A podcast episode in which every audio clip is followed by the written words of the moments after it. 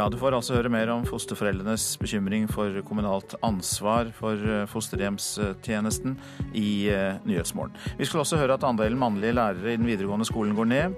Hundekjørere bruker 300 000 kroner i året for å gjennomføre Finnmarksløpet. Vi spør om det kan være verdt det. Og så sendes det bare norsk musikk i NRK i dag, og vi spør hvorfor det, egentlig.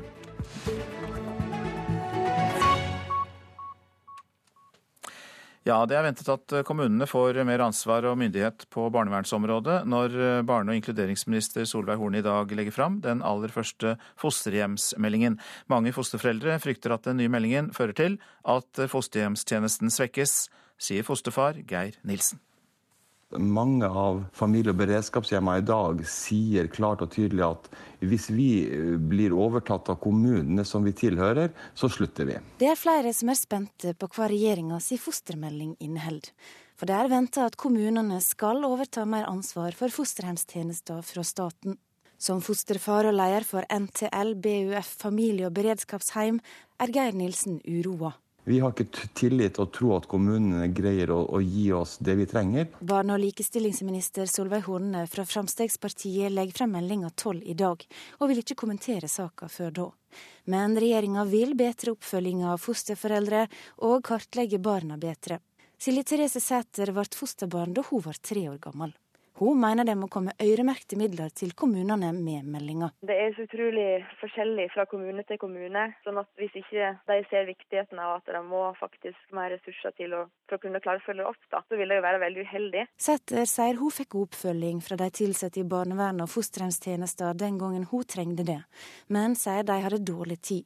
Det mener hun ikke kan holde fram i dag. Jeg har jo hatt eh, litt sånn forskjellige saksbehandlere og sånt opp igjennom. Det har jo vært litt sånn travelt for dem, kanskje. Skulle kanskje ønske at eh, ja, det var mer til stede og ble mer kjent med meg, da. Mangel på fosterheimer har vært en utfordring i flere år, viser tall fra fosterhjemstjenestene landet rundt. I tillegg har behovet for voksne som fører tilsyn med heimene økt. Flere kommuner sliter allerede med å fylle kravene. Leder i fosterhjemstjenesten i Sogn og Fjordane, Jørund Tvedt, sier uro rundt fosterheimer kan gjøre det vanskeligere å skaffe familier. Nei, Vi har uh, hele veien utfordringer med å få tak i uh, nok.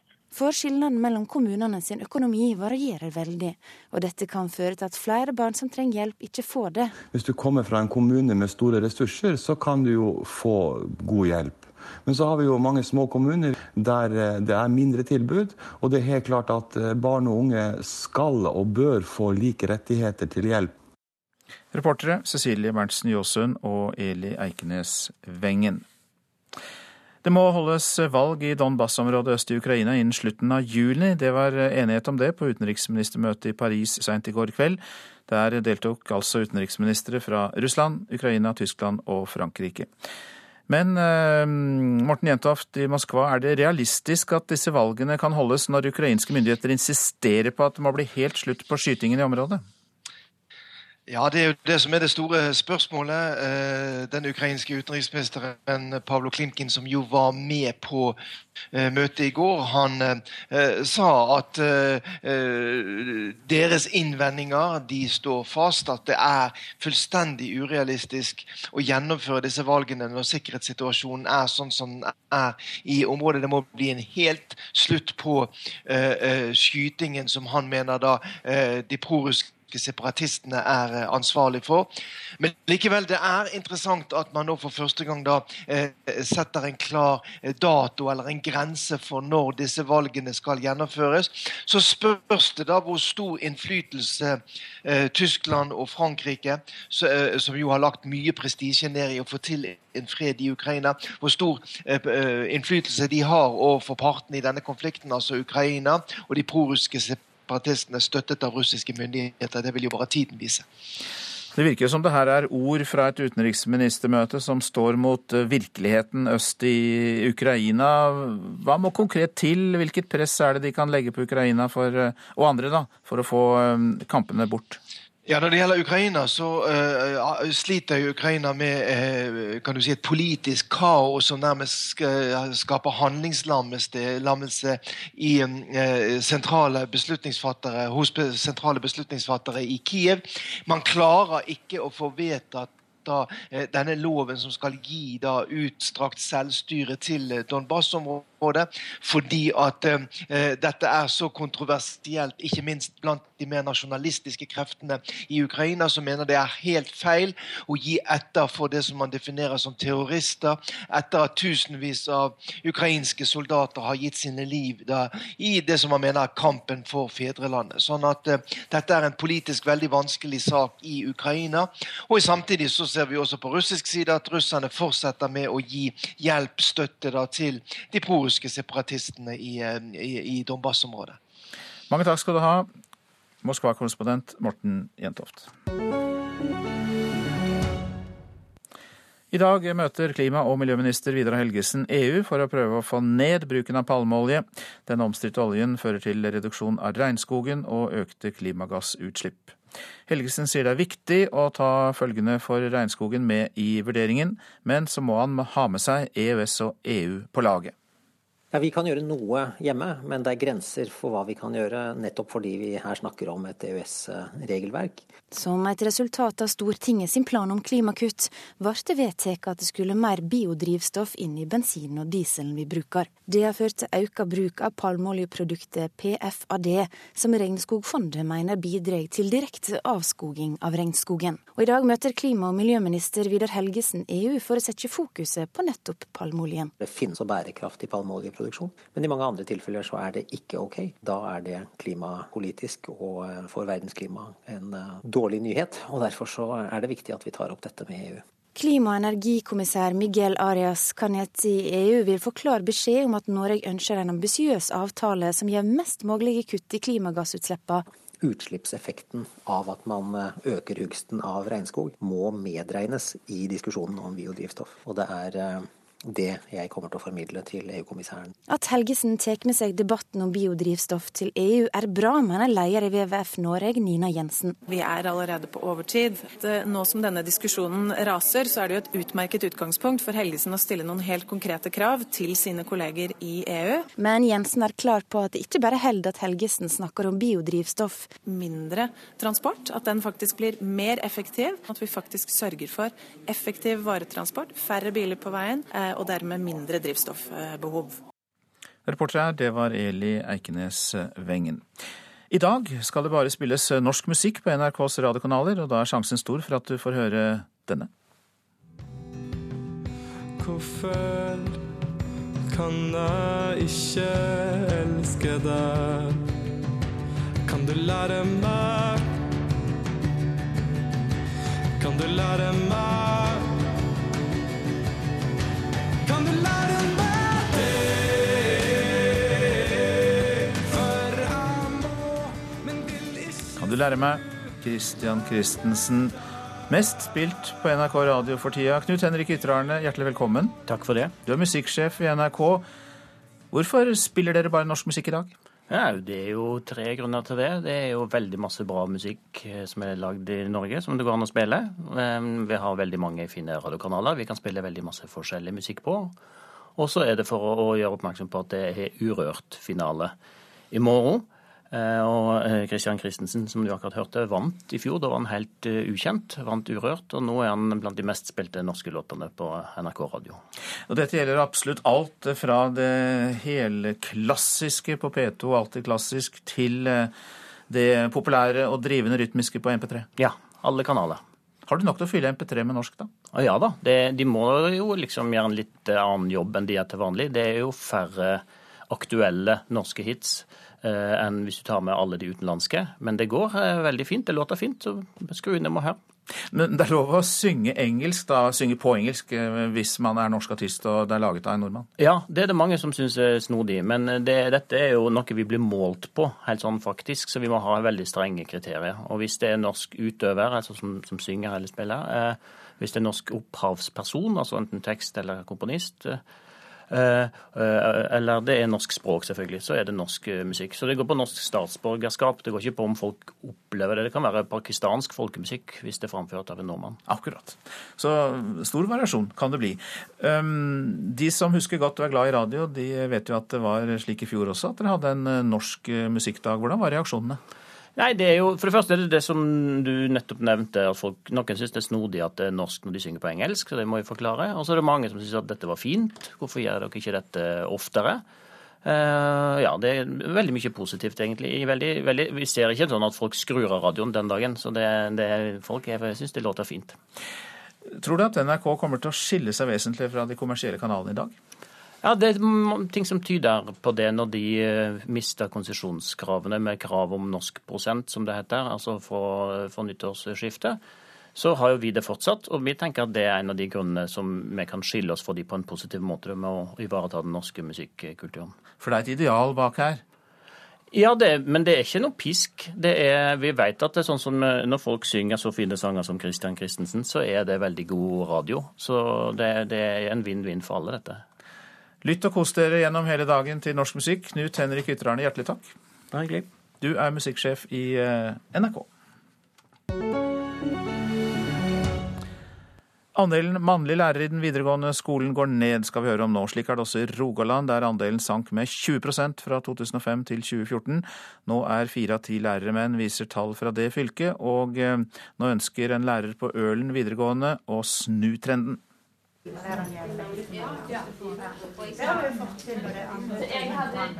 Det er ikke mange mannestemmer på personalrommet ved Ølen videregående skole. Men i et hjørne sitter en liten bastion mannlige lærere. Du er litt spør, å gjøre det, ja. ja, stemmer det. Det er bare med tre. Tre og to av de på vei. Så sitter jeg alene. En av dem er Bjørn Gunnar Husby. De siste årene har han bitt seg merke i at det blir stadig færre av hans kjønn på skolen. Eldre mannlige kollegaer har slutta. Og det har blitt færre menn på eh, pauserommet og flere kvinner. Og over tid så har jeg begynt å tenke er det, er dette en trend, er det bare min skole? Og nå plutselig så tenkte jeg nå må jeg ta kontakt med fylket. Og fylket ble litt overraska, men nå viser jo tallene at det er en klar nedgang blant antall mannlige i videregående skole. Og tallene er klare. Siden 2005 har antallet mannlige lærere i den videregående skolen i Rogaland sunket med rundt 20% fra 52 til 42% Det viser tall fra fylkeskommunen. Og Husby er klar på hva man kan miste hvis denne utviklinga fortsetter. For arbeidsmiljøet så tror jeg det er viktig at vi har, vi har et uh, mangfold. Den andre delen er jo da i forhold til elevene. Om antall menn har noe å si for gutters læring. Kan menn være et bedre forbilde for gutter? Kan de se gutter på en annen måte? Og at menn kan se gutter på en annen måte, er noe skoleforsker Thomas Nordahls forskning kan tyde på. Vi har sett på noen skoler der gutter og jenter eh, er like dyktige på skolen. Og flere av de skolene kjennetegnes ved at andelen mannlige lærere er noe høyere enn andelen mannlige lærere er i gjennomsnitt i norsk skole. Det er nok kanskje noen behov hos gutter som mannlige lærere er litt flinkere til å se enn kvinnelige lærere. Eirik Haaland Lea, russ ved St. Svithun videregående skole i Stavanger, mener det er viktig med mangfold blant lærerne. Lærere er jo ofte rollemodeller for uh, både gutter og jenter. Hallgeir Bø, assisterende utdanningsdirektør hos Fylkesmannen i Rogaland, sier at dette er et tema det ikke jobbes noe med. Det, det har vi ikke tenkt så veldig mye over hos oss. Uh, vi har ikke noe sånn bevisst forhold til akkurat andelen eh, mannlige og kvinnelige lærere. Reporter Jørgen Finstad. Vi eh, kaster et blikk på avisene. Færre unge får hjelp til boligkjøp fra foreldrene sine, får vite i Dagens Næringsliv. I 2013 var det 42% av de spurte som sa de hadde hjulpet barna eller barnebarn inn i boligmarkedet. I 2016 er andelen sunket til 29 Erna Solberg har feilinformert Stortinget om andelen mannlige asylsøkere, skriver Aftenposten. Statsministeren sa det var en høyere andel menn uten familie som søkte asyl i 2015 enn tidligere, mens andelen faktisk var den laveste på fem år. Beklagelig feilinformasjon, sier flere representanter fra opposisjonen. Norge stiller krav til EU, vil ha færre flyktninger, er oppslaget i Klassekampen. For å være med på EUs flyktningedugnad krever regjeringen at antallet asylsøkere som kommer hit må begrenses kraftig, sier statssekretær Vidar Brein Karlsen fra Fremskrittspartiet. VG har spurt folk om hvilken statsminister som er best for Norge. Det er 52,8% som mener det er Erna Solberg, mens 47,2% ønsker Jonas Gahr Støre. Arbeiderpartilederen skårer best på å håndtere Norges utenrikspolitikk, helse og ledighet, mens statsminister Solberg skårer høyest på håndtering av flyktningkrisen og økonomisk politikk. Lær av fiskerne, sier Ola Borten Moe til kyllingbøndene. Han mener at dagligvarekjedene har sendt hele regningen for kyllingkrisa til produsentene. Det skriver Nasjonen. Så nå foreslår Borten Moe at bøndene organiserer seg som fiskerne, med et kjøpssamvirke som forholder seg til alle aktører i verdikjeden. Militærøvelsen Cold Response skal avskrekke Russland fra å angripe Norge, sier tidligere forsvarssjef Sverre Disen til Adresseavisen. Militærøvelsen i Trøndelag, med 15 000 deltakere fra 14 land, skal demonstrere Natos vilje og evne til å støtte Norge mot russisk press og eventuell maktbruk, sier Disen. Nei til barnetog 17. mai, nei til å stemme ved valg og nei til å gifte seg med noen utenfor menigheten. Det er noen av reglene i den kristne menigheten Samfunnet i Kristiansand og Egersund, som blir omtalt i Fedrelandsvennen. Reglene er fastsatt av tolv menn i menighetens øverste organ, som ikke ønsker å kommentere dem i eh, Søker vi ikke lenger til stemningen i Kollen og Kollenbrølet? Vel, ingen av øvelsene under skiskytter-VM i Holmenkollen er utsolgt, nemlig. Til gårsdagens stafett lå halvparten av billettene igjen da startskuddet gikk. Publikumssvikten la likevel ikke en demper på stemningen.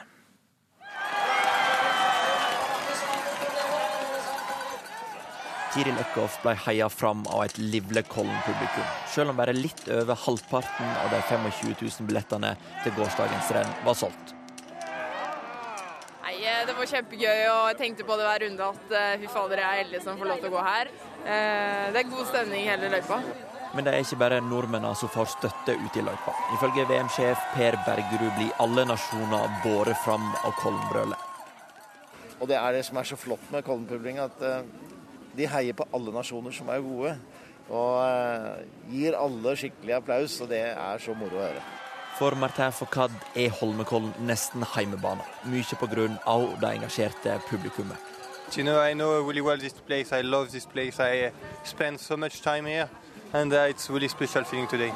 Og Sjøl med litt glissent oppmøte tror Kollen-generalen at det virkelig braker løst til helga.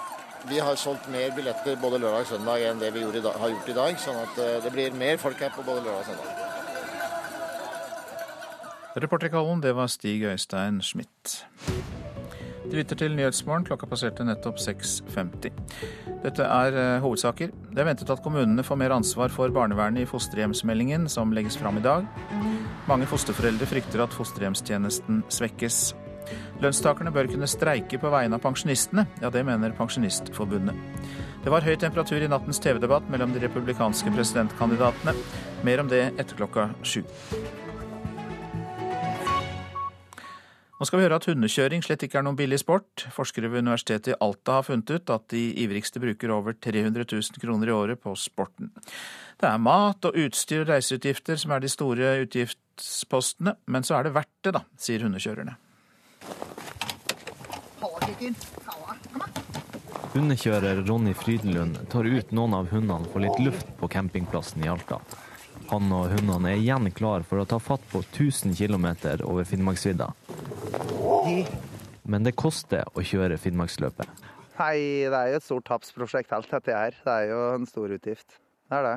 Altså Hvis du skal konkurrere på topp nivå, så koster det penger. Du kommer ikke unna det.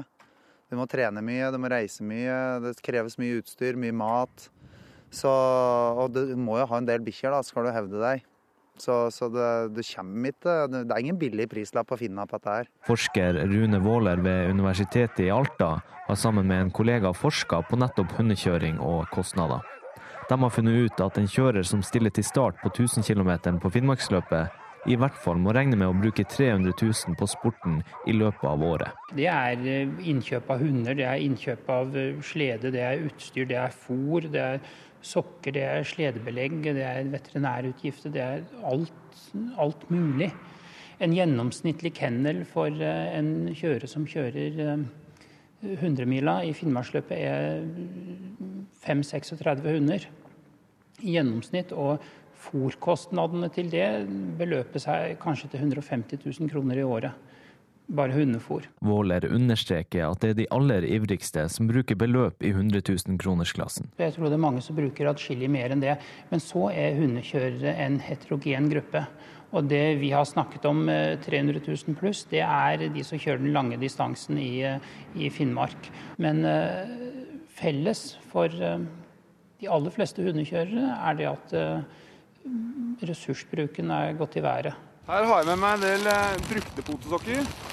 Litt sånn gjenbruk, det er greit. Didrik Lindeberg Sand viser frem en pose med potesokker, som er nok en utgiftspost.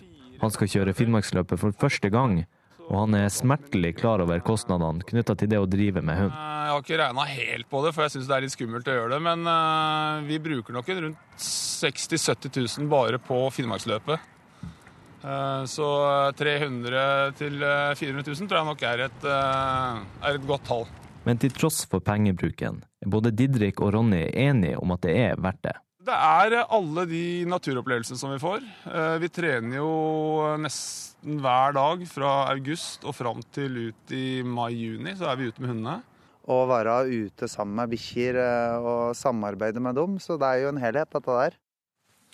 Reportere Christian Sønnevisen By og Gyda Katrine Hesla.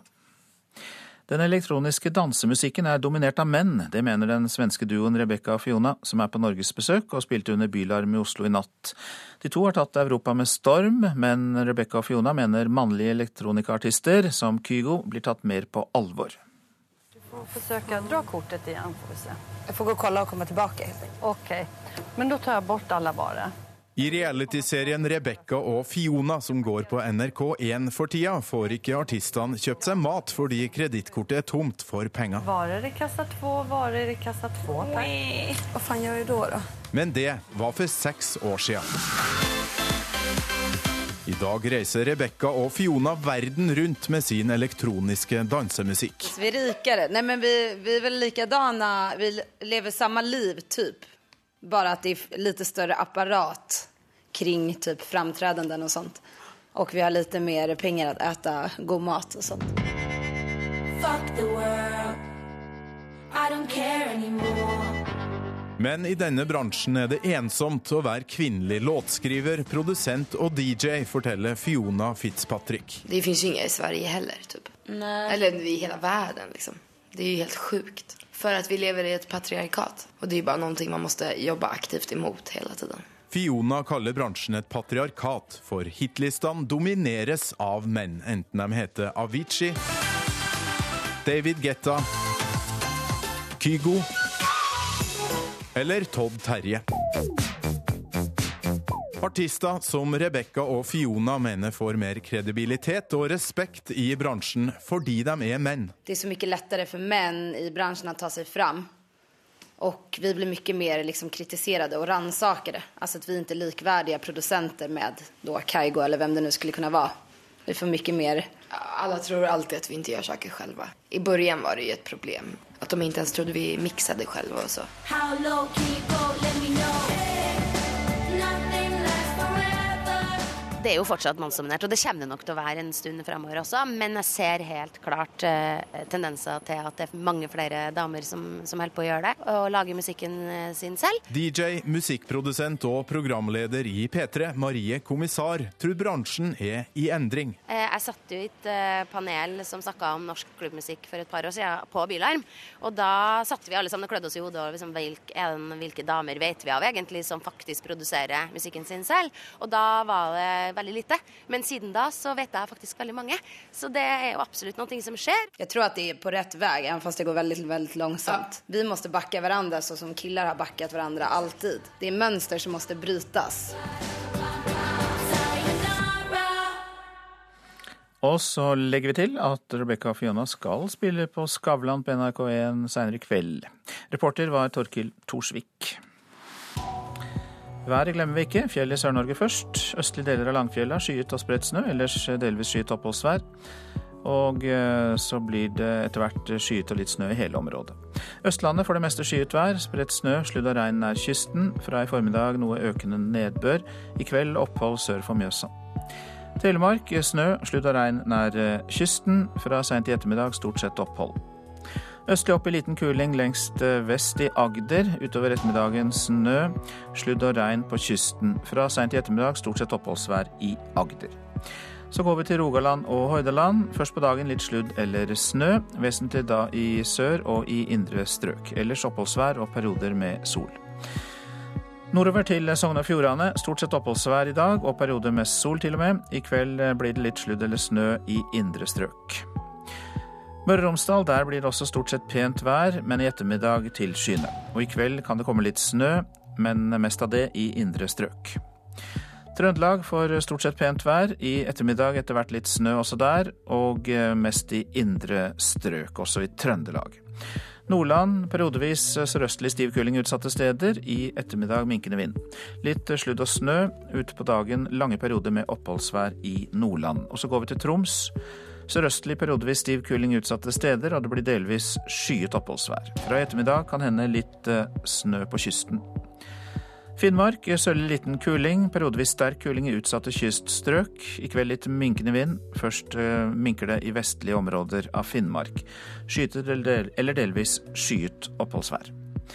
Og vi går ut i havet til Nordensjøland på Spitsbergen og kan melde om sørøstlig periodevis liten kuling utsatte steder der, og litt snø av og til. Temperaturer målt klokka fire får vi med oss. Svalbard lufthavn pluss to, Kirkenes minus elleve, Vardø minus fire.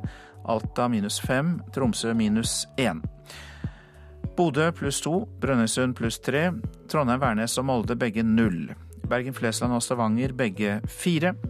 Kristiansand, Kjevik to, Gardermoen null, Lillehammer minus én, Røros minus fire, mens det var én plussgrad på Oslo-Blindern.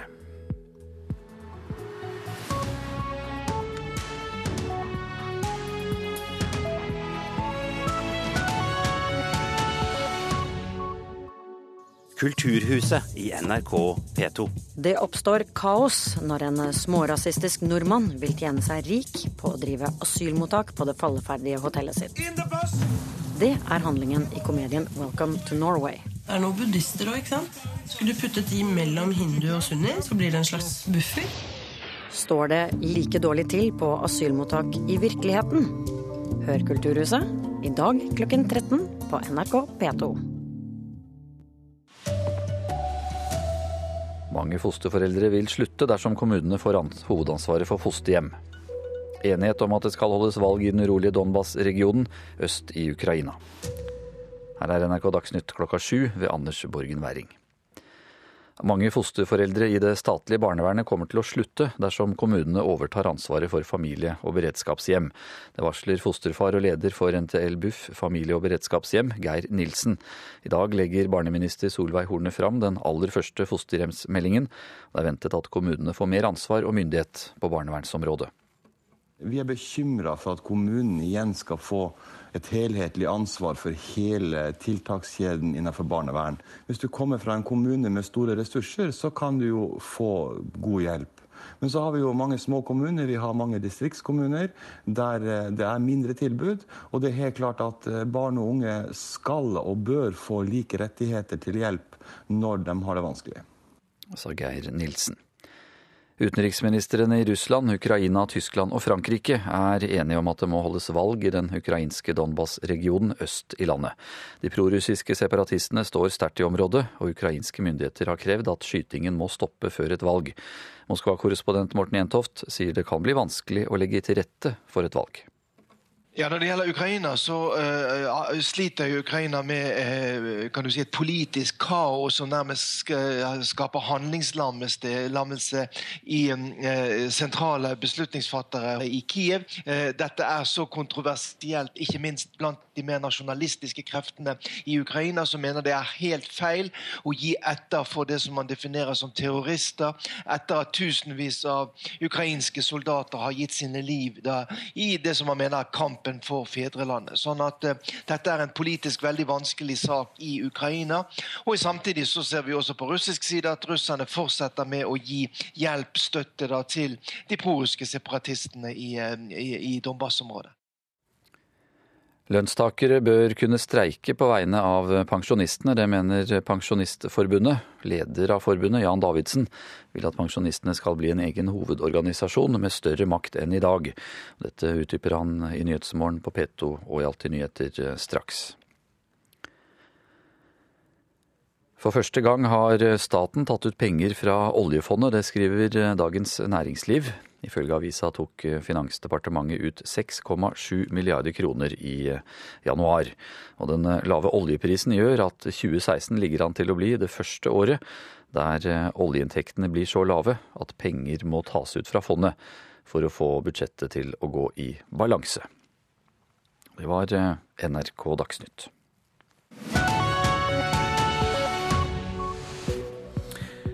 Ja, er det realistisk at lønnstakerne skal streike på vegne av pensjonistene, spør vi i Nyhetsmorgen. Huseiernes Landsforbund utelukker ikke søksmål mot staten hvis det blir avfallsdeponi i gruvegangen under Brevik. Harde tak i republikanernes debatt i natt. Alt fra størrelsen på hendene til Donald Trump til høyreekstremisme var tema. Og barnet vil ha ketsjup på all mat. Her får du noen tips for å prøve å motvirke det. Ja, vi hørte i Dagsnytt at pensjonistene mener det bør bli en egen hovedorganisasjon med forhandlingsrett i trygdeoppgjøret. Det er Pensjonistforbundets leder Jan Davidsen som sier det. Han vil også gi pensjonistene langt større mulighet til å sette makt bak kravene. Vi er streik, vi er streik.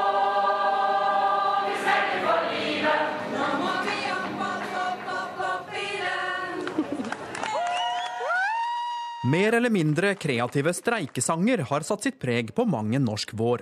Men ikke alle kan skryte av å ha et blankpusset streikevåpen i arsenalet. Pensjonistene f.eks. Deres streikemuligheter er jo per definisjon noe begrenset. Eller Men vi vil gjerne utrede det å bli en egen hovedorganisasjon. sier leder i Pensjonistforbundet, Jan Davidsen. Vi ser jo det at når gjennomsnittsalderen i befolkningen øker, så vil vi gjerne ta med oss de virkemidlene som bl.a. forhandlingsrett osv. oppover i aldersgruppene. I dag har pensjonistene kun drøftingsrett i trygdeoppgjøret. Davidsen vil ha reelle forhandlinger. Og nå har vi jo eh, sett i fjor, og muligens kommer til å se i år, at vi får en nedgang av eh, kjøpekraften eh, til pensjonistene. Og vi ser også at minstepensjonistene kommer ikke opp på et nivå som gjør det til mulig å, å leve på en god anstendig måte. Men hva hvis forhandlingene ikke gir det ønskede resultat? I fjor var pensjonistene så misfornøyde med trygdeoppgjøret at de nektet å skrive under protokollen. Men Davidsen ønsker seg litt sterkere krutt i kassa. Han vil ha et forpliktende samarbeid med de andre hovedorganisasjonene på arbeidstakersida, nemlig LO, YS, Akademikerne og Unio. Og i ytterste konsekvens at arbeidstakerne skal streike på vegne av pensjonistene. Ja, Det hadde jo vært en eh, drømmesituasjon. Og vi tror jo at på et eller annet tidspunkt lenger fram, når vi får til dette samspillet mellom eh, folketrygden som eh, den eh, gode universelle ordningen og tjenestepensjonene, så er det klart at det også vil bli et tema. Men forslaget møter foreløpig en noe begrenset entusiasme i Fagforenings-Norge. Leder i Akademikerne, Knut Årbakke, sier det slik. Så Det kan godt være at pensjonistene bør ha en sterkere stemme i det norske samfunnet. Det er, mulig. Men de beste til å representere pensjonistene er faktisk arbeidslivets organisasjoner. Og det er altså vi fire som har den stemmen. Eh, og vi tenker helhet. Vi ser både arbeidslivet og pensjonisttilværelsen i sammenheng. Det gjør ikke Pensjonistforbundet i samme grad. Hvordan tror du streikeviljen er blant dine medlemmer eh, på Pensjonistforbundets vegne? Den tror jeg er ganske liten. Uten at vi har spurt dem om det, så tror jeg den er ganske liten. Unio-leder Ragnhild Lid vil ikke avvise Davidsen helt, men med fire hovedorganisasjoner, eh, som også har sterke interesser for pensjonistene, så mener jeg at vi har nok eh, tyngde til å håndtere disse spørsmålene. YS på sin side avviser kontant Davidsens forslag, og LO, den største av de fire, vil foreløpig ikke kommentere Pensjonistforbundets tanker. Så er reporter Halvard Norum. Arild Henrik Steen, god morgen til deg. Du er instituttdirektør ved arbeidslivsforskning eh, for arbeidslivsforskning ved Høgskolen i Oslo og Akershus. Dette var jo en ny vri. Streik eh, via stedfortreder, altså at lønnstakerne streiker for pensjonistene. Hva tror du om viljen til det? Jeg tror ikke viljen er, veldig sterk. Eh, Jeg er, tviler på denne ordningen fordi at det vil belaste lønnsoppgjørene med en ny oppgave. Og det vil gjøre lønnsoppgjørene vanskeligere. Og man skal ha veldig gode grunner for å gjøre lønnsoppgjørene vanskeligere. Så eh, du mener i det hele tatt at eh, pensjon bør eh, ikke ha noe i lønnsoppgjøret å gjøre? Eh, Nå snakker vi om trygdeoppgjøret og folketrygden. Og det er noe annet enn tjenestepensjonene. Men hvis vi holder oss til eh, trygdeoppgjøret, som er fordeling av offentlig velferd, så er det politikerne som gjør dette i dag. Og det er politikerne som holdes ansvarlig. Så hvis man ville øke trygdene, så må man jo da f.eks. øke skattene. Og hvis eh, befolkningen er uenig i det, så må de avsette de politikerne som mener det. Og, men hvis man bringer dette inn i lønnsoppgjøret, så kan man ikke avsette partene. Og partene får da en eh, en, en, et ansvar som de på en måte ikke er i stand kan forvalte, fordi at de skal ikke forvalte offentlige penger. Nei, så Kjernepunktet her er at uh, dette er offentlige penger som skal fordeles, altså pensjonen, og at partene i lønnsoppgjøret ikke bør ta fatt i det. Eh, de bør ikke ta fatt i de, de offentlige skattekronene. Tjenestepensjonen er en helt annen sak, og det er jo inne i lønnsoppgjøret nå. og Tjenestepensjonen kan jo betraktes som utsatt lønn, mens trygder kan ikke betraktes som utsatt lønn. Mm. Men eh, hvilke endringer kan da gjøres for å gi pensjonistene mer innflytelse? Fordi det jo, ble jo etterlyst veldig tydelig her, bl.a. fra Jan Davidsen, da, som leder eh, Pensjonistforbundet. Ja, Nå er Pensjonistforbundet en interesseorganisasjon, og de må profesjonalisere sin drift og, skape, eh, og, og selvsagt eh, ha allianser med eh, fagbevegelsen og for så vidt arbeidsgiverne også. Så det er på en måte vanlig interessepolitisk arbeid å fremme det gjennom politiske partier etc. Men eh, de er vel da med på dette oppgjøret for eh, pensjonene, eller trygdeoppgjøret da nærmest som eh, rådgivere? Altså de, de har ikke noe endelig innflytelse over det? Nei. Og det er fordi at vi har et demokrati som fordeler offentlige penger. Og vi kan på en måte ikke gi eh, interessegruppe, en type vetomakt som man faktisk har i lønnsoppgjørene ved at man kan gå til streik og lockout, eh, så kan vi ikke gjøre det i eh, fordeling av offentlige velferdskroner. Ja, Så du mener at det kravet der, det kommer de til å stange hodet i veggen med da, i all tid fremover? Du tror ikke at pensjonistene kommer til å få noen sånn reell innflytelse annet enn å være med på råd? Ja, Den reelle innflytelsen går gjennom valgene. Og det er der, det, er, det, er Det må vi holde fast ved. Takk skal du ha, Arild Henrik Steen, som er instituttdirektør for arbeidslivsforskning ved Høgskolen i Oslo og Akershus. Nå skal vi høre at Huseiernes Landsforbund ikke utelukker søksmål mot staten dersom det blir deponi i gruvegangene under Brevik. Forbundet støtter altså naboene som mener avfallsdeponiet planlegges altfor nær eksisterende boligområde. Dette er et uh, deponi som omtales som et giftdeponi. Og det har de tenkt å plassere på trappa til folk, og da reagerer vi. For her rammes våre medlemmer, og det syns vi ikke noe om. Sier Tor Johan Larsen, leder i Huseiernes Landsforbund Telemark. På vegne av huseiere i Brevik kjemper de imot planene om et av Europas største deponier for farlig avfall i gruvegangene under Brevik. Miljømyndighetene har tidligere uttalt at gruvene er godt egnet ut fra en miljøfaglig vurdering. Det har hisset opp stemningen lokalt. Vi stiller oss bak alle disse protestene. Her har vi en avstand fra uh, dette deponiet, da, hvis det skulle bli lagt her, uh, til bebyggelse på 40-50 meter. Og det er langt under det som vi mener uh, må være. Sammenligner man med andre stater, eh, så opererer man gjerne med avstander på 1500 meter oppover. Så det er ikke greit. Bak planene om gruvedeponiet står NOAH, eid av Bjørn Rune Gjelsten. De har tidligere uttalt til NRK at slike anlegg ikke påvirker boligprisene.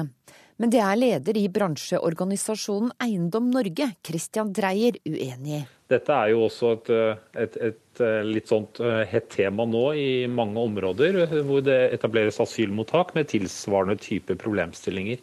Så Det er mange ulike typer prosjekter som berører boligprisene som dette. Så Det er mange elementer som gjør at du kan få både små og, og betydelige korreksjoner i pris på eiendommen.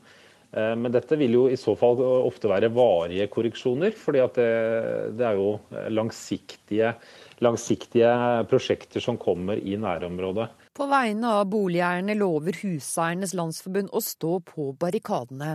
Selv ikke søksmål mot staten utelukkes. Vi vil hjelpe våre medlemmer så langt det lar seg gjøre. Det vil vi gjøre. kan det bli aktuelt å gå til søksmål mot staten.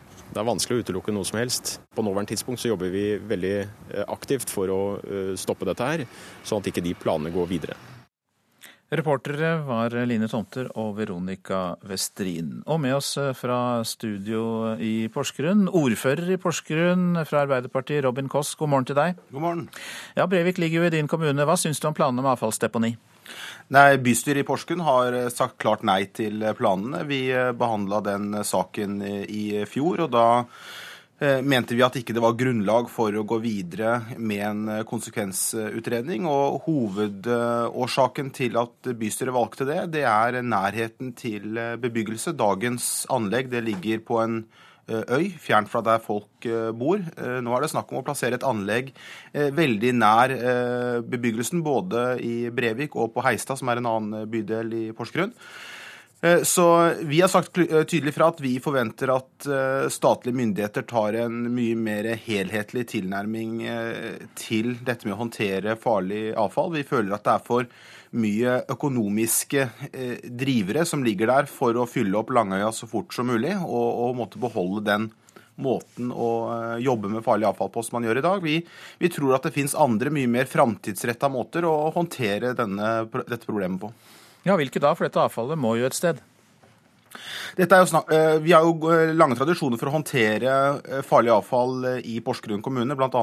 organisk avfall. Det kan man jo forbrenne, omgjøre til energi, bruke på nytt osv. Her er det jo snakk om uorganisk avfall, altså i stor grad tungmetaller osv., som aldri brytes ned, og som måtte bare skal ligge i disse gruvegangene. Vi mener at man må prøve å jobbe mer med å redusere avfallsmengden. Det betyr at man kan forlenge levetiden på Langøya. Vi mener at mange av disse metallene bør eh, gjenbrukes.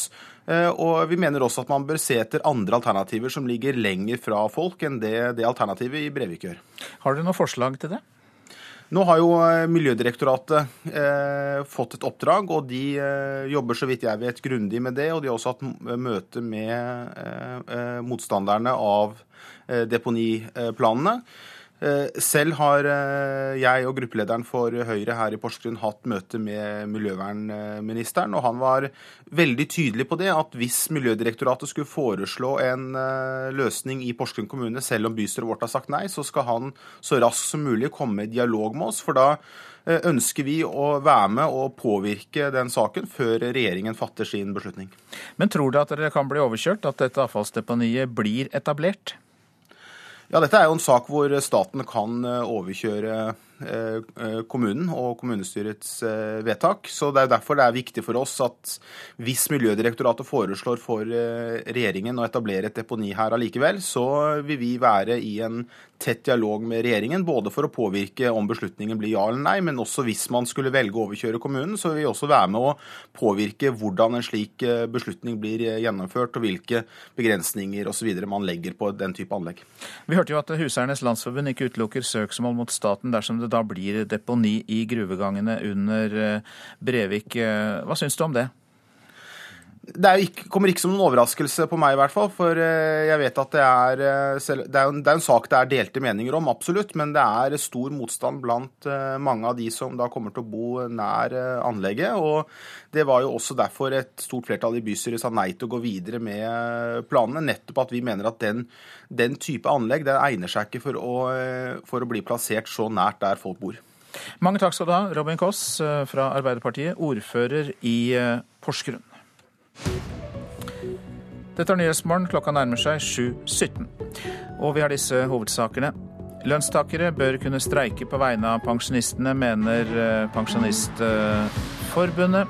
Mens Arild Henrik Steen, direktør for arbeidsforskning ved Høgskolen i Oslo og Akershus, mener, mente her i Nyhetsmorgen at det er lite realistisk. Huseiernes Landsforbund utelukker altså ikke søksmål mot staten dersom det blir et avfallsdeponi i gruvegangene under eh, Brevik. Mange fosterforeldre i det statlige barnevernet kommer til å slutte dersom kommunene overtar ansvaret for familie- og beredskapshjem. Det varsler lederen av Organisasjonen for familie- og beredskapshjem, Geir Nilsen.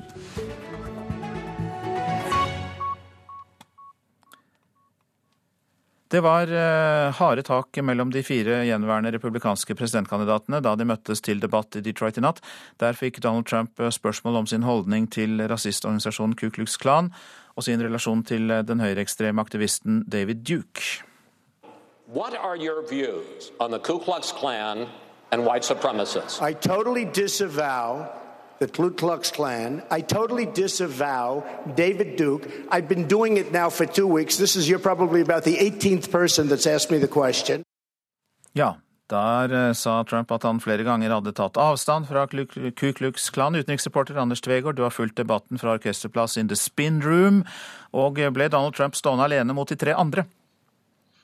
Ja, her ble han eh, tvunget defensiven og hadde tidvis problemer med å forklare egen politikk, hvilken vei han vil videre. Rubio og Cruz eh, presset på, også debatterne pekte på Trumps eh, svakheter. Dette var dagen etablissementet, eller imperiet, slo tilbake. Den republikanske eliten vil ikke ha Trump som kandidat, men om alle angrepene mot ham gjør at oppslutningen bare øker, eller folk faktisk ser på holdningene hans en gang til, er for tidlig å si. Det eneste som virker helt klart etter natt nattas eh, debatt her i Detroit, er at fløyene fortsatt er splittet. Og med retorikken og personangrepene så er det vanskelig å se hvordan partiet kan klare å forene eller samle seg rundt en kandidat. Ja, Vi skal høre litt mer om at det var harde tak i natt. Eh, Marco Rubio slo fast at to tredjedeler av de som hadde avgitt stemme i nominasjonen, hadde stemt mot Trump, mens Donald Trump bl.a. svarte med å kalle Rubio for Lille Marco. Two thirds of the people who have cast a vote in a Republican primary or caucus have voted against you. They do not want you to be our nominee. And the reason why is because we are not going to turn over the conservative movement or the party of Lincoln or Reagan, for example, to someone whose positions are not conservative. don't worry about it, little, right, don't worry about it, a little Marco. Gentlemen, hey, gentlemen, you ought to, you ought to show a bit gentlemen, you got you to do better than this. This guy has the number one Mr. Trump, may I ask you, Mr. Trump, I'd like to ask you a policy question. Your proposed tax cut. That's why the people in Florida do not like him. Tvegård, var dette representativt? Eh, ja, altså det, det var uh, såpass mange eh, personangrep at Ohio-guvernør John Kasich ropte 'la oss slutte å krangle'. Kasich selv sier at han er den eneste som oppleves som voksen på scenen. som vi hørte, spesielt Rubio og Trump snakket i munnen på hverandre. Debattlederne måtte også gripe inn og gjøre dem oppmerksom på at publikum ikke hører noe. Og, og det største lavmålet, eller um, høydepunktet, avhengig av hvordan du ser på det, var da Trump ville forsvare seg mot antydningene Rubio har kommet med tidligere om at eh, Trump har små hender. Og som han sa, for dere vet hva man sier om menn med små hender. Eh, Trump eh, viftet med hendene mot publikum, sa at de var ikke små, og svarte på den seksuelle referansen med å si jeg garanterer dere at det ikke er noe problem. Eh, her har det kommet reaksjoner på at han gikk eh, litt for langt, og at man ikke er opptatt av størrelsen hans på verken hender eh, eller noe annet. Men Trump fortsatte. Han vendte seg til Rubio og sa at denne lille mannen har løyet så mye om meg, og som vi hørte i, i kuttet her, omtalte han Florida-senatoren som Lille-Marco gjentatte ganger i den to timer lange debatten. Sirkus og skittkasting men fikk vi vite noe mer om de politiske forskjellene mellom kandidatene? Det er tross alt det viktigste, Tvegård? Jo da, eh, og her hører man på at eh, Trump ikke ses på som konservativ nok. Dette er ellevte gang de presidenthåpfulle republikanerne møtes. Eh, og selv om mye druknet i, personangrep, så, ble det satt søkelys på Trump. Han vil fortsatt bygge en mur mot Mexico, som meksikanerne skal betale for. Når det gjelder visum, så har han myknet eh, noe opp. Han vil innvilge det særlig til, eh, til, til særlig kyndige arbeidstakere. Eh, Trump har fabrikker i utlandet som produserer klær, og han sier at han ikke kan flytte disse til USA så lenge Kina og Mexico eh, devaluerer eh, valutaen sin. Sikkerhetspolitikk diskuterte de også. John Kasich vil gå inn med soldater i Libya. Det, det er vel noe av, av, nyhetspoengene som man kan trekke ut, som, som ikke er blitt kjent i, i forhold til holdningene deres tidligere. Ja. Hva skjer videre i denne kampen om republikanernes nominasjon? Ja, nå er, det en, eh, nå er det valg her i Michigan. Eh, kommende tirsdag. Det er flere delstater som skal stemme, peke på hvem de ønsker som presidentkandidat. Den store premien er om drøye to uker. Det er i Ohio og Florida. Et valg som kan være avgjørende for flere kandidater. Vinner ikke Trump her, så blir veien vanskeligere. Taper Kasich eller Rubio i hjemstatene sine, så er det vanskelig for dem å fortsette. Men som Kasich sier, nå, han har tro på at hans kampanje skyter fart når valgene nå dreier seg fra sørstatene til nord, som, som er hans hjemmebane. Så den republikanske valgkampen er langt fra over. Teknisk sett så er det mulig å ta igjen Trump, og etablissementet ønsker helt opplagt ikke å ha ham som partiets eh, presidentkandidat. Og de prøver nå å slå sprekker i, eh, i, i Trumps um, fasade. Dramaet fortsetter. Takk skal du ha, Anders Tvegård. Vi har fått inn en melding om at Nord-Koreas leder Kim Jong-un uh, sier på en militærøvelse at han er klar til å avfyre atomvåpen når som helst. Kim har gitt ordre om at landets atomarsenal skal gjøres klar til bruk, og de militære styrkene er bedt om å gjøre seg klare til å slå til først dersom fienden truer. Så til eh, norske aviser. Færre unge får hjelp til boligkjøp eh, fra foreldrene sine, får vi vite i Dagens Næringsliv. I 2013 var det 42% av de spurte som sa de hadde hjulpet barna eller barnebarna inn i boligmarkedet. I 2016 er andelen sunket til 29 Erna Solberg har feilinformert Stortinget om andelen mannlige asylsøkere, skriver Aftenposten. Statsministeren sa det var en høyere andel menn uten familie som søkte asyl i 2015 enn tidligere, mens andelen faktisk var den laveste på fem år. Beklagelig feilinformasjon, sier flere representanter fra opposisjonen. Norge stiller krav til EU, vil ha færre flyktninger, er oppslaget i Klassekampen. For å være med på EUs flyktningedugnad krever regjeringen at antall asylsøkere som kommer hit må begrenses kraftig, sier statssekretær Vidar Brein-Karlsen fra Fremskrittspartiet. VG har spurt folk om hvilken statsminister som er best for Norge. Det er 52,8% som mener det er Erna Solberg, mens 47,2% ønsker Jonas Gahr Støre. Arbeiderpartilederen skårer best på å håndtere Norges utenrikspolitikk, helse og ledighet, mens statsminister Solberg skårer høyest på håndtering av flyktningkrise og økonomisk politikk. Lær av fiskerne, sier Ola Borten Moe til kyllingbøndene. Han mener at dagligvarekjedene har sendt hele regningen for kyllingkrisa til produsentene, skriver Nasjonen. Nå foreslår Borten Moe at bøndene organiserer seg som fiskerne. Altså med et kjøpssamvirke som forholder seg til alle aktører i verdikjeden. Nei til barnetog 17. mai, nei til å stemme ved valg og nei til å gifte seg med noen utenfor menigheten. Det er noen av reglene fra den kristne menigheten Samfunnet Kristiansand og Egersund, som blir omtalt i Fedrelandsvennen. Og disse reglene er fastsatt av tolv menn i menighetens øverste organ, og de ønsker ikke å kommentere dem i avisa. Ja, det kan være ganske irriterende med unger som sier 'jeg liker ikke' til både det ene og det andre av matretter, eller de skal ha ketsjup på alt, eller bare én type mat, sånn som leverpostei da, for eksempel. Men så er det noen triks man kan bruke. Og her skal du få dem. Vi skal først på kjøkkenet til Oskar på fire år. Han digger blåmuggost. Oskar, hva er det du skal lage for noe mat til meg nå? Blåmuggost. Blåmuggeost? Og fløte og fløte. Oskar på fire lager mat til Arne på over 40. Oskar elsker pasta med blåmuggostsaus. Arne har aldri smakt det før. Men er ikke det muggenost? Kan man spise det? Er det godt? Kan ikke du ta fram fra kjøleskapet det vi trenger, da? Vi voksne vil gjerne at barna skal like forskjellige typer mat, og at de villig vekk smaker på nye smaker. Vi vil jo at de skal få i seg mange ulike næringsstoffer, og så hadde hverdagen blitt så enkel. Faktisk så er det tre faktorer barn har makt over selv. Makt over hva de er villige til å putte i munnen. Det er når de vil sovne, og når de skal gå på do. Det sier Anne Wang Nilsen. Hun er pedagog og matinspirator og har lang erfaring i å kurse barn i å smake på ny mat. Det at barn selv kan bestemme å lukke igjen munnen, kan føre til en uheldig maktkamp og at tidsnød ofte trigger denne kampen. Stress Mye som skal skje etter jobb. Det er ikke bare barn som skal ut på aktiviteter, det er foreldrene som gjerne vil gjøre sine ting. Og så blir hverdagsmåltidet noe som skal gå unna. Og det er ikke bare middag, det gjelder jo også frokost.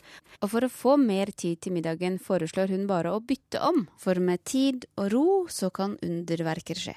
Når man er travel etter jobb, altså hvorfor ikke ta liksom den skiva man ville tatt på kvelden da?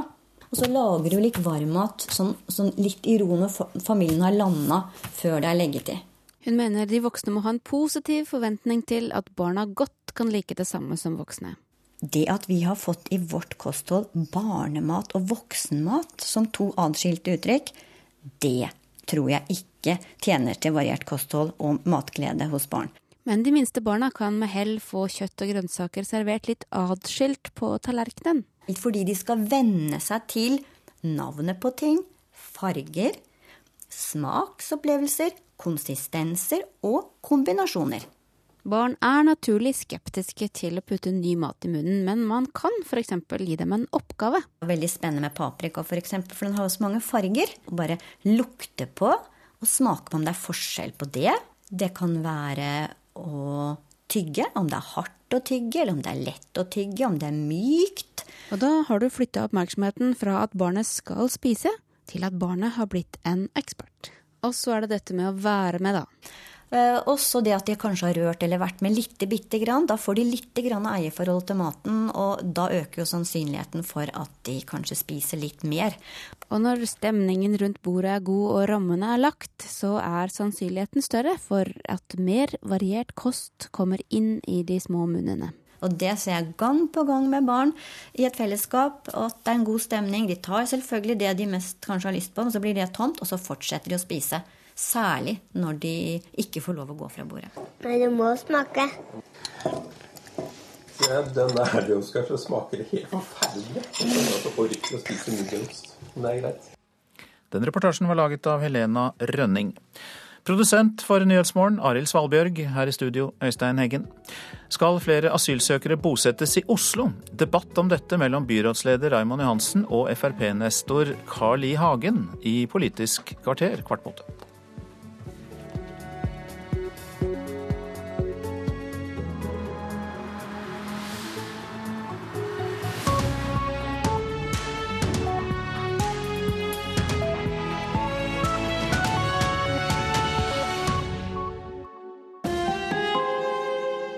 Hør ekko.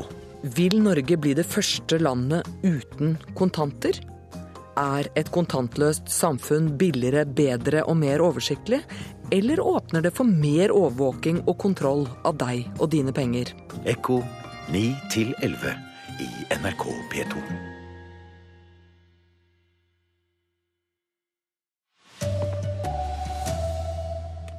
Pensjonistene vil at lønnstakere skal streike for dem. Ny fosterhjemsmelding legges fram i dag, men fosterforeldre frykter dårligere oppfølging. Og Donald Trump ble angrepet fra alle kanter da de republikanske presidentkandidatene møttes til debatt i natt.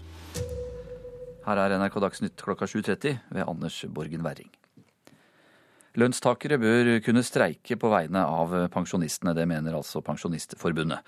Leder av forbundet, Jan Davidsen, vil at pensjonistene skal bli en egen hovedorganisasjon med større makt enn i dag. Nok er nok!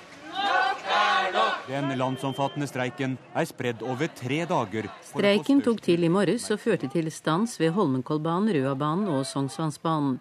Gjennom årenes løp har streikevåpenet blitt flittig brukt av arbeidstakere for å sette makt bak kravene.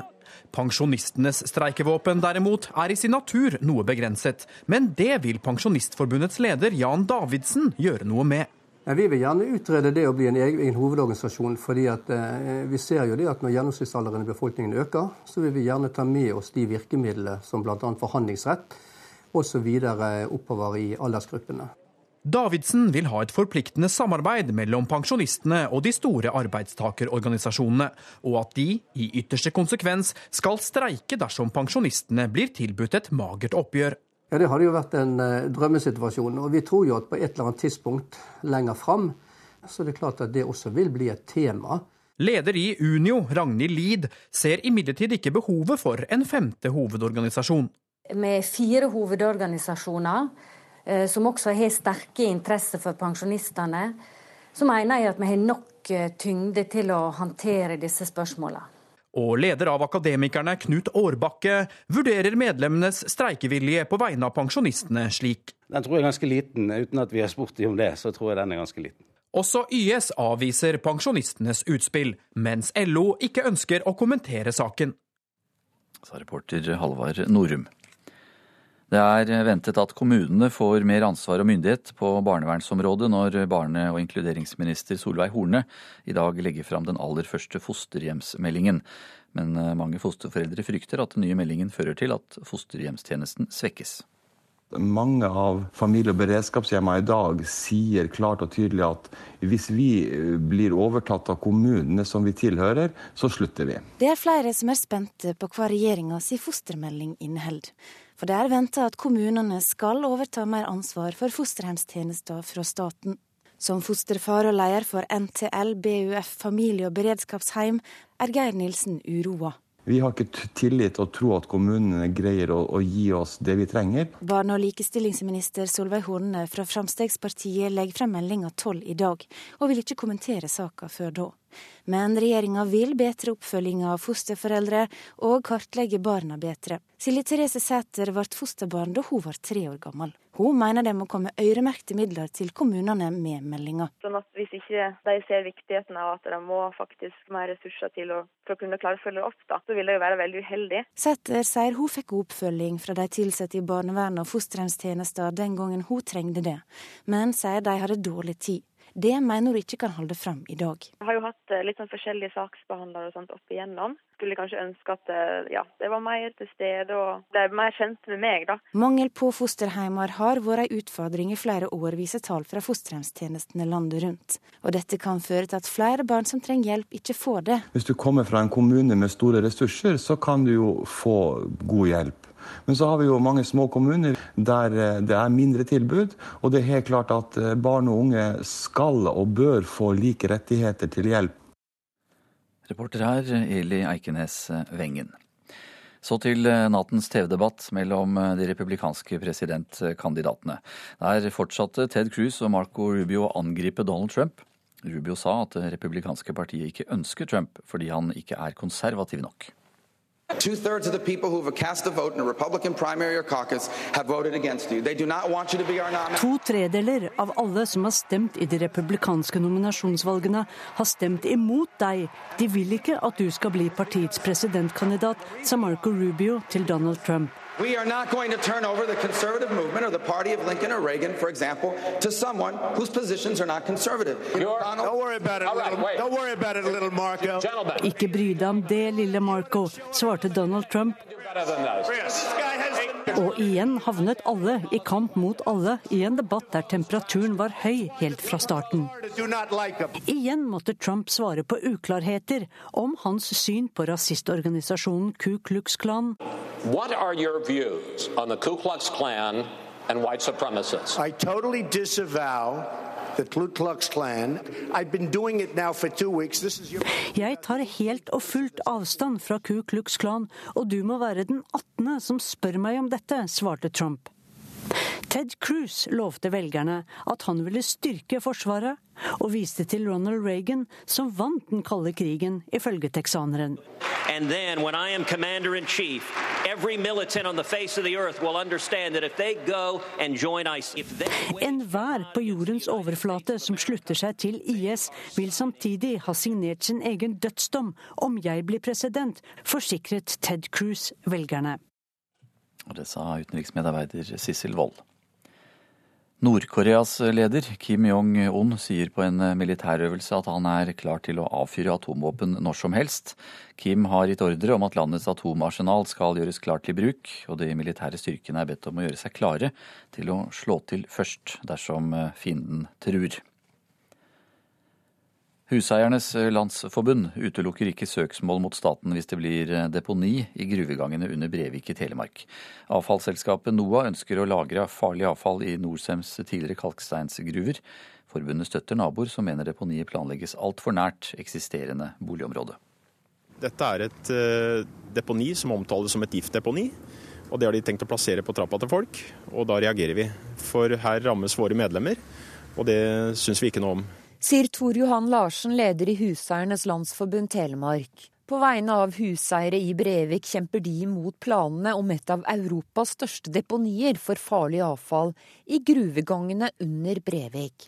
Miljømyndighetene har tidligere uttalt at gruvene er godt egnet ut fra en miljøfaglig vurdering.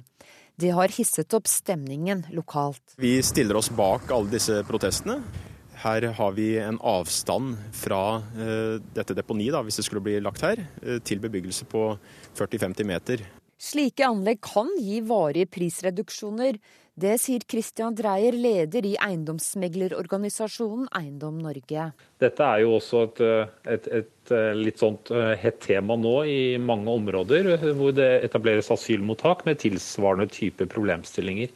På vegne av boligeierne lover Huseiernes Landsforbund å stå på barrikadene.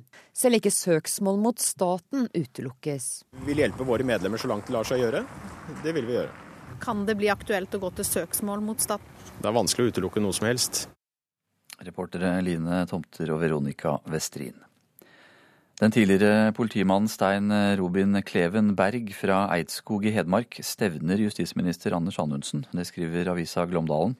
Kleven Berg fikk sparken som politibetjent etter at han kom med kontroversielle ytringer i sosiale medier, bl.a. om flyktningepolitikk.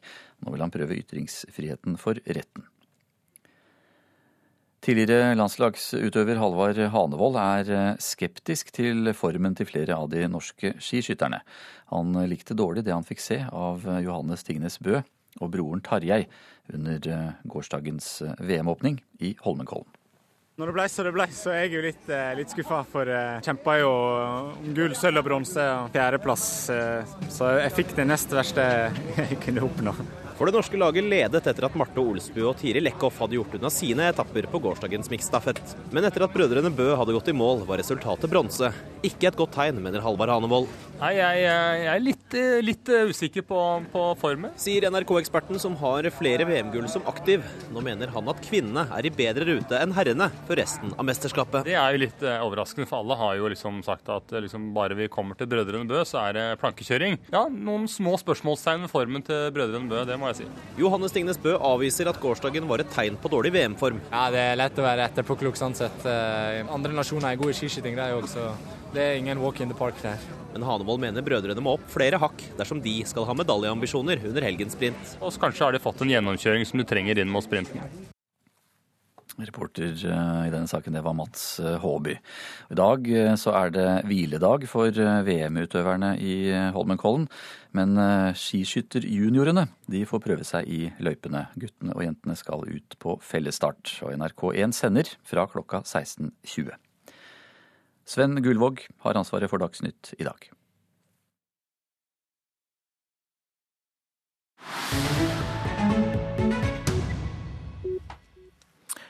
En colombiansk film skal vi høre om i Nyhetsmorgen. Den handler om indianere i Amazonas og har fått mye oppmerksomhet i det siste.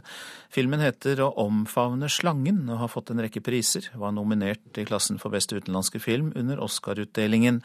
Og nå håper urfolket i Amazonas at denne filmen skal styrke deres kamp for å overleve. Arnt Stefansen i Rio de Janeiro har laget denne reportasjen.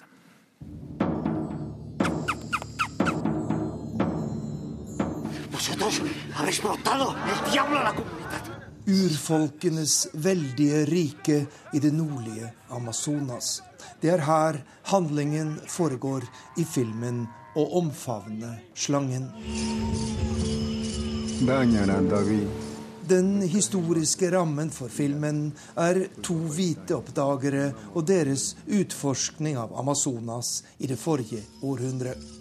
Tyske Theo Koch og amerikanske Richard Shultis åpnet verdens øyne for indianernes eldgamle kulturer, men også for de enorme økonomiske verdiene som skjulte seg i regnskogen. Å redde Amazonas er vår største oppgave, sier filmens colombianske regissør Ciro Guerra.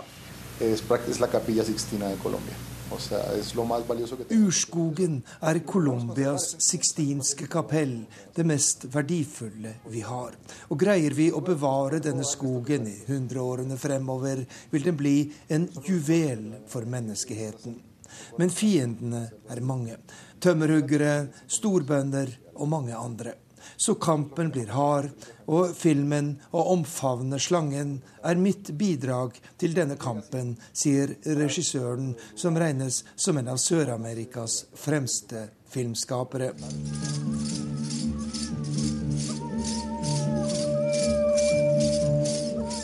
De to hvite oppdagerne kom til Amazonas med rundt 30 års mellomrom, og i filmen har de én ting til felles.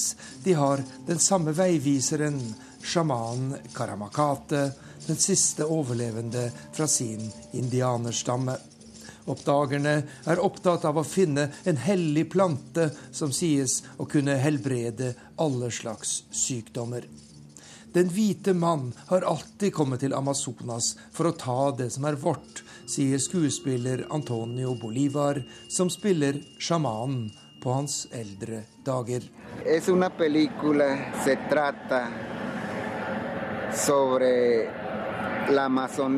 Denne filmen handler om en urskog som er blitt kalt verdens lunge fordi den er helt nødvendig for å holde kloden frisk. Det som skjer med Amazonas, angår ikke bare oss som bor her, men alle mennesker på jorda. Og det har vist seg at vi, indianere, er best egnet til å ta vare på skogen fordi vi bruker den uten å ødelegge den, sier skuespilleren Antonio Bolivar, som er født og oppvokst i indianerstammen Ucaina Vitoto i den colombianske delen av Amazonas.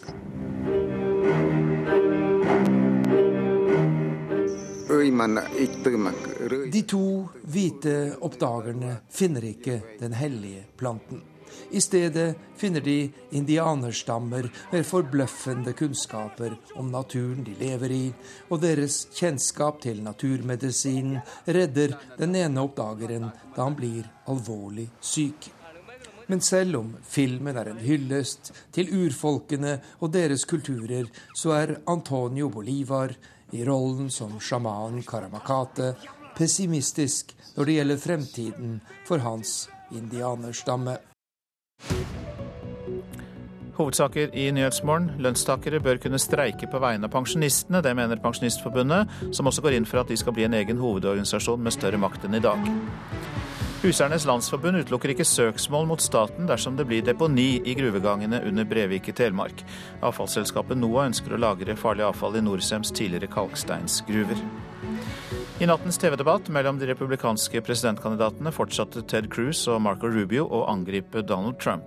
Rubio sa at det republikanske partiet ikke ønsker Trump fordi han ikke er konservativ nok. Nå er det Politisk kvarter, programleder Lilla Sølhusvik.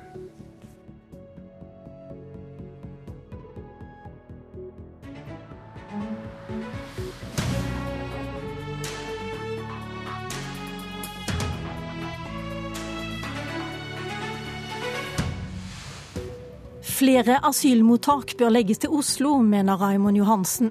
Mens Carl I. Hagen mener de bør ligge alle andre steder enn i Oslo.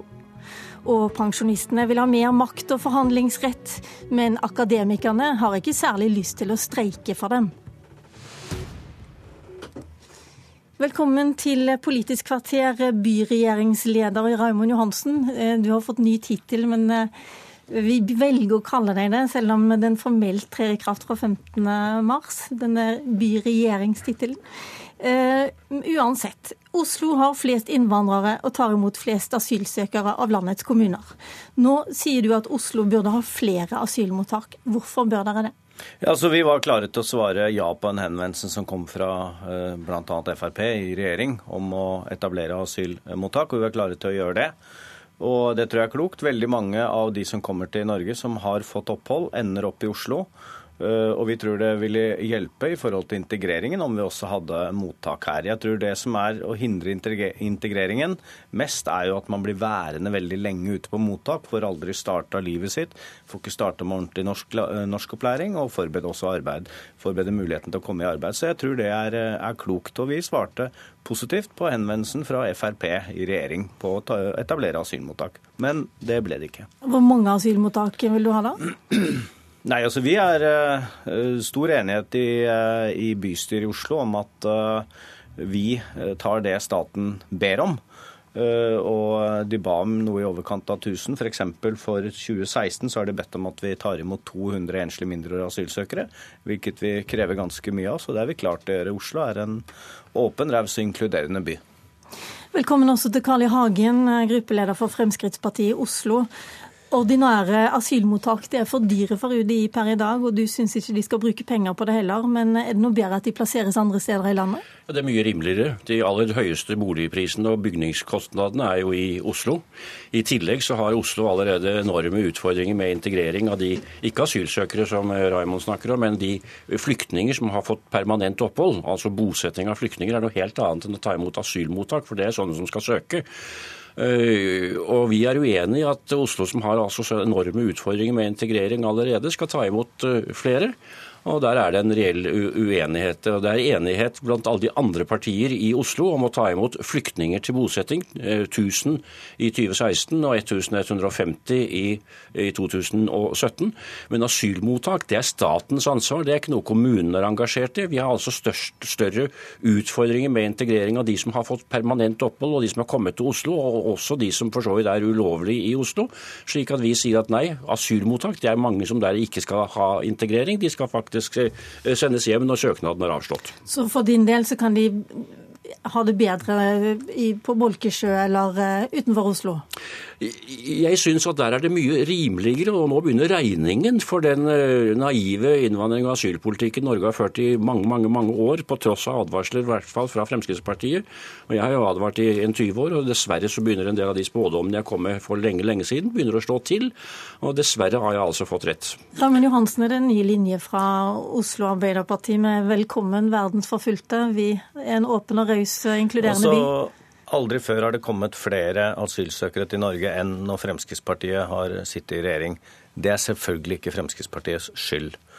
Eh, det er verdenssituasjonen som er sånn, med krig og konflikt. Mange flykter. Det ser vi i hele Europa. Eh, Oslo og Norge skal ha sin del av ansvaret.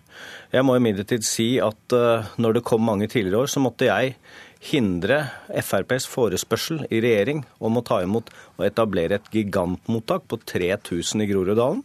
Et område hvor eh, det er svært få etnisk norske. Vi tror at det hadde hatt veldig negative virkninger for integreringen. Det blir eh, at de kommer på Montebello på Oslos vest? Nei, jeg tror det å ha gigantmottak i seg selv er vi imot.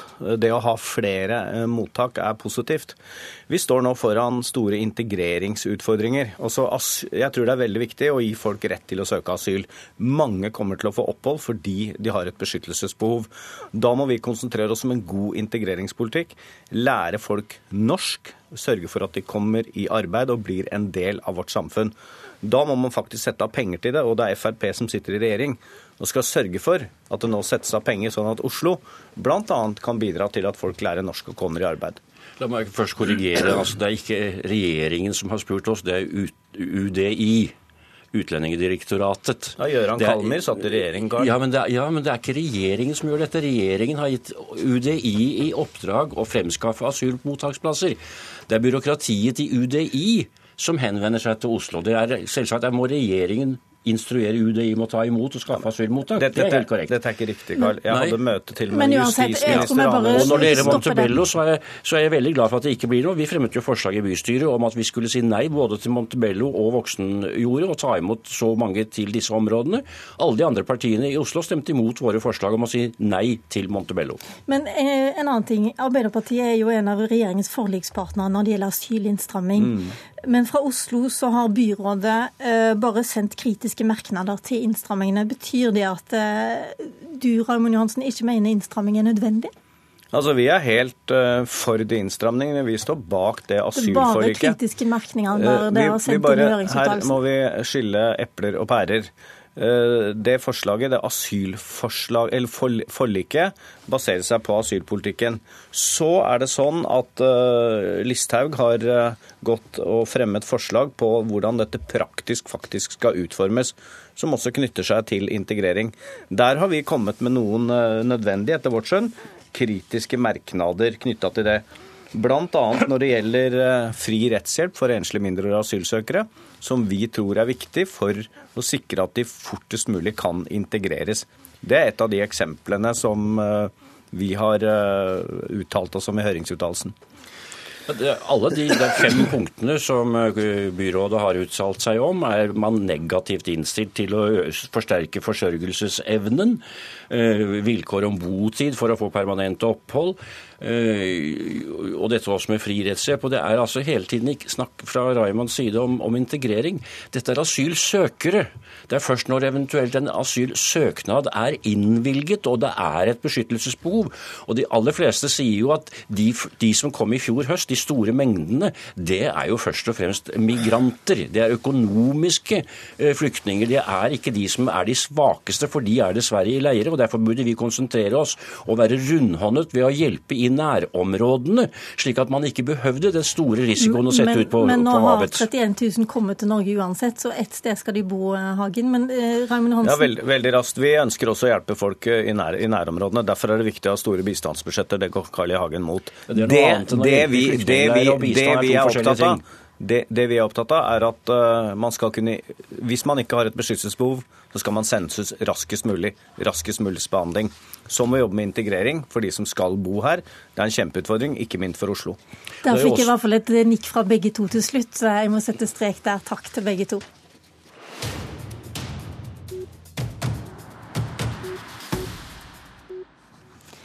Pensjonistene blir flere, og de blir eldre. Nå krever de også forhandlingsrett i trygdeoppgjøret, ikke bare en rett til å si sin mening, slik de har i dag.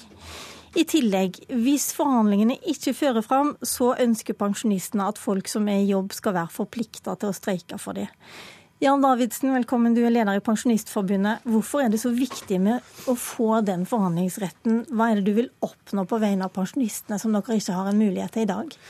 Vi bør ha den samme muligheten som de yrkesaktive til å drive fordelingspolitikk innenfor de rammene som finnes. Vi hadde forhandlingsrett frem til den eh, nye pensjonsreformen kom. Og Det gjorde jo bl.a. at vi i 2008 kunne gi et skikkelig løft til eh, minstepensjonistene. I dag har vi ikke forhandlingsrett, og dermed har vi heller ikke den muligheten til å kunne gjøre noe med bl.a. situasjonen i fjor, hvor eh, pensjonistene fikk nedgang i kjøpekraften sin. Sannsynligvis kommer de til å få det samme i år. Og eh, Da ser vi det helt åpenbart at uh, dette kan vi ikke leve med i lengden. Og Da er det naturlig, som vi gjør ellers i arbeidslivet, gi partene ansvar, gi dem muligheter. Så kan de være med å, å drive fordeling som, eh, som vi ellers alltid har gjort. Men Du vil på en måte ha forhandlingsrett, men du vil at andre skal ta jobben med å på en måte streike for deres rettigheter? Nei, jeg håper jo ikke det at uh, bruk av kampmidler skal være nødvendig. Men vitsen med dette er jo at uh, Jeg mener bestemt å ha hørt at du sa det ville vært kjempefint. En ja, drømmesituasjon, sa du vel i Dagsnytt? For all del. Det ville jo selvfølgelig vært en, en, en, en, veldig bra eh, måte å kunne håndtere det på. Men det er jo et langt stykke å gå frem der. Først må vi få forhandlingsretten på plass. Så må vi få etablert det samarbeidet med de andre hovedorganisasjonene som også i disse tider eh, truer, med kampmidler i forhold til, til streik, ikke sant? eller til, til, streik og pensjon. Slik at Det som målet vårt er, det er jo for å, å få arbeidet fremover et system hvor folketrygden og eh, de bestemmelsene som ligger i, i, i tjenestepensjonsordningene, AFP-en, offentlig tjenestepensjon, hva som helst, at vi kan se dette i et bedre, bedre sammenheng. For presset på pensjonene det kommer fremover. Og, eh, og, på et eller annet tidspunkt så ser jo alle at den reguleringsmåten som vi har på folketrygden i dag, den er ikke mulig å kunne forsvare med de forskjellene vi allerede nå ser konturene ut av. Knut Aarbakke, du er leder i Akademikerne, og du har vært skeptisk, har vi også hørt i morges. Er det sånn at akademikerne bare vil streike for egen lønn og ikke for pensjonistene? Altså, I utgangspunktet så vil vi jo ikke streike, vi ønsker å komme til løsninger rundt forhandlingsbordet. Det gjør alle parter i norsk arbeidsliv, og det er gjennomgående. Dette er en vanskelig problemstilling, fordi at uh, Stortinget har jo bestemt hvordan regulering av uh, det vi kaller uh, pensjoner under uttak skal skje. Og det man sa i 2011, det var at pensjonistene skulle få et oppgjør som var, skulle ligge mellom lønnsveksten og prisveksten. Og så laget man en ordning som sa at OK, vi tar lønnsveksten, så trekker vi fra 0,75% der og da så virket det som noenlunde fornuftig. Eh, men det som har vist seg i ettertid, er at lønnstilleggene har blitt veldig lave. Og da når du trekker, frem, trekker fra 0,75 på noe som er i utgangspunktet veldig lavt, så blir det lite igjen. Så jeg tror at det første vi bør gjøre, det er å se på den reguleringsmekanismen.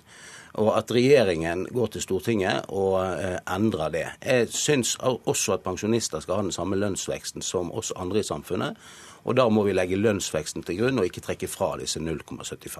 Hva syns du om at eh, Pensjonistforbundet vil ha forhandlingsrett i likhet med dere, Unio, eh, IS og LO? Ja, altså, jeg, jeg, forstår jo det. Det er jo ikke vanskelig å, å skjønne et sånt argument. Men det vil være en litt fremmed fugl i eh, den floraen vi har knyttet til trepartssamarbeid i Norge. Ja, Eller nyskapende, kan du si? Det kan man selvfølgelig si. Eh, problemstillingen er at siden 60-tallet eller der omkring, så har partene i arbeidslivet vært de som utgjør trepartssamarbeidet sammen med myndighetene. Og vi har også eh, selvfølgelig pensjon som en del av den dialogen. Og Det viser jo oppkjøringen til årets oppgjør at pensjon er noe arbeidstakerne og arbeidsgiverne er veldig opptatt av. Og da, da må vi si at det er i lønnsforhandlingene, da er det snakk om tjenestepensjonen som arbeidsgiverne betaler, mens det Davidsen snakker om nå, det er den folketrygda som skal forhandles etterpå. Ja. Bare sånn for lytternes del her. Men det jeg lurer på, Davidsen, hvis du skal ha forhandlingsrett, hvorfor skal ikke studenter ha det? Eh, pensjon, altså folk med funksjonshemminger f.eks. Hvorfor skal spesielt pensjonistene inn der? Nei, fordi Det har vært en uh, viktig del av, uh, av, det norske systemet. Vi har hatt Pensjonistforbundet 65 år i år. Og Pensjonistforbundet ble etablert som kamporganisasjon, og Pensjonistforbundet har satt sitt stempel gjennom den forhandlingsretten vi hadde på de trygdeoppgjørene som var før pensjonsreformen kom. Og det, det er helt, eh, helt, eh, riktig som det er sagt der, at den reguleringsformen som eh, vi har for øyeblikket, den, den gir dette skeive utslaget. Men vi vil også se litt, litt, fremover på det. For det er ikke tvil om at, at det som arbeidstakerorganisasjonene nå har jobbet med på tjenestepensjonsområdet, er utrolig viktig for å sikre anstendighet og nivå, og ikke minst ha dette som en del av arbeidsmarkedspolitikken. Men jeg bare minne om at forutsetningen for pensjonsreformen det var mangel på arbeidskraft. I dag sitter vi med 100 000 arbeidsledige. Vi har eh, mange titusener unger som ikke kommer seg inn i arbeidslivet. Og Samtidig skal vi da jobbe for at folk skal stå lenge. Vi må finne ut hvilke mekanismer kan vi bruke for å se disse tingene i sammenheng. Og Det mener vi også kan være en del av en, en, en forhandlingsrett. Og sørge for at eh, de samfunnsmessige problemene vi har, det blir også den Husk på at vi snakker om rundt en million mennesker som i dag ikke har den, den samme muligheten til å påvirke som de yrkesaktive. Bøndene ja, forhandler også. Ja, men, altså, men, men, man har jo eh, sjanse til å påvirke. Og vi påvirker jo, altså partene i arbeidslivet, LO, YS, Unio, Akademikerne, vi har jo også pensjonistmedlemmer. Vi har vel til sammen flere pensjonistmedlemmer enn Pensjonistforbundet har. Og det er klart at vi ivaretar deres interesser også. Eh, vi, må sette, må, vi, må sette, en strek ja, okay. der, rett og slett, sånn for tida vår ute i Politisk kvarter i dag. Takk til dere, Knut Årbakke, leder i Akademikerne, og Jan Davidsen, leder i Pensjonistforbundet. Jeg skal minne om at fra og med i morgen så kan du høre en redigert versjon av Politisk kvarter fra hele uka. Programmet går i kanalen Alltid nyheter lørdager klokka åtte og søndager klokka 13. Hør oss da også. Programleder i dag, det var Lilla Sølhusvik.